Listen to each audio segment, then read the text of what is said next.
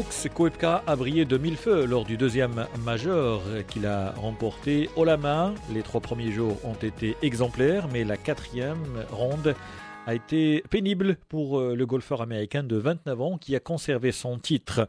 On va évoquer également l'élimination du Tiger qui n'a pas réussi à franchir le cut. Mais d'abord, avec Roland Macheneau de Golf Planet, on revient sur la performance et également la prestation de Brooks Koepka. Ça s'est passé dans la banlieue de New York, à Long Island à Bethpage, exactement sur un parcours qu'on appelle Black, qui est très difficile.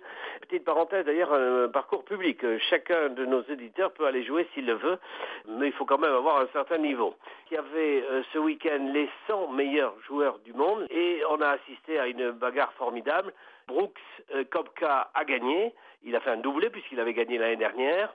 Ce Bruce Kopka, qui a 29 ans, qui a une carcasse formidable, on dirait un acteur de western, qui est très doué, euh, il a gagné déjà 4 majeurs, figurez-vous, alors qu'il s'est pointé uniquement au départ de 8 majeurs. il en a gagné un sur deux. Donc jusqu'à maintenant, il a gagné deux US Open et maintenant deux PGA. Ça a été une très belle bagarre. Les conditions du dernier jour ont été épouvantables.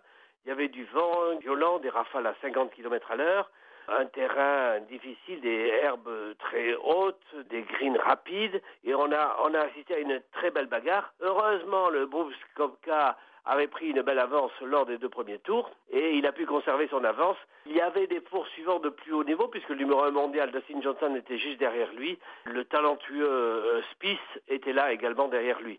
Donc une très très belle bagarre au final et alors qu'on croyait que Bruce Kopka allait gagner très facilement, eh ben, il a fallu qu'il s'accroche parce que le Dustin Johnson était revenu jusqu'au dernier moment. Donc nous avons vécu une très belle bagarre euh, hier euh, sur le PGA.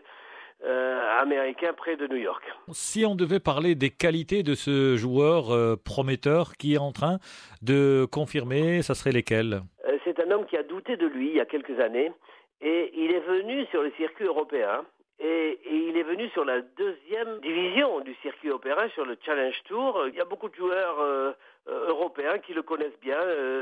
il a des amis au Maroc aussi, ça je le sais, il me l'a dit.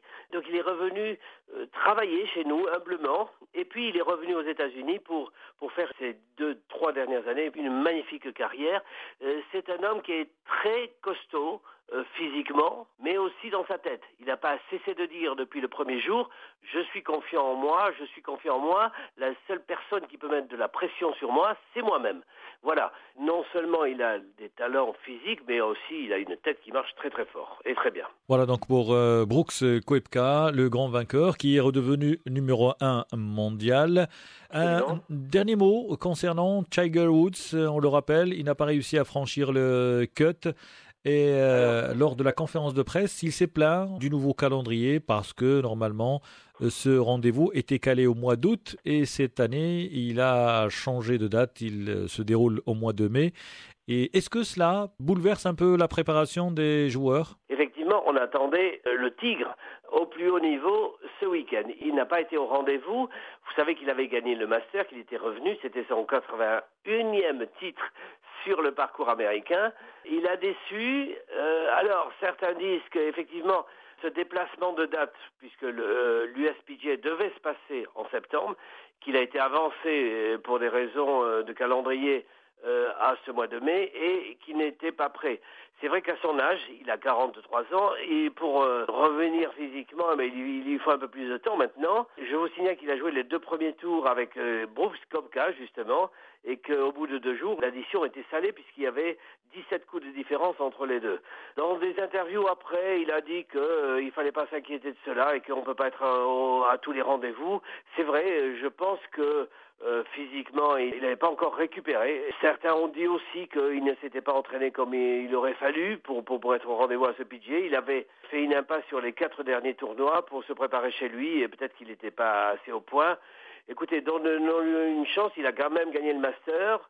Euh, il sera à Pebble Beach euh, dans un mois pour l'US Open. C'est euh, un parcours qu'il aime, où il a gagné déjà deux fois, qu'il aime profondément. Donc, on assistera certainement à une belle bagarre encore pour l'US Open à Pebble Beach. Roland Macheneau de Planète Golf, merci. Bonne journée à tous.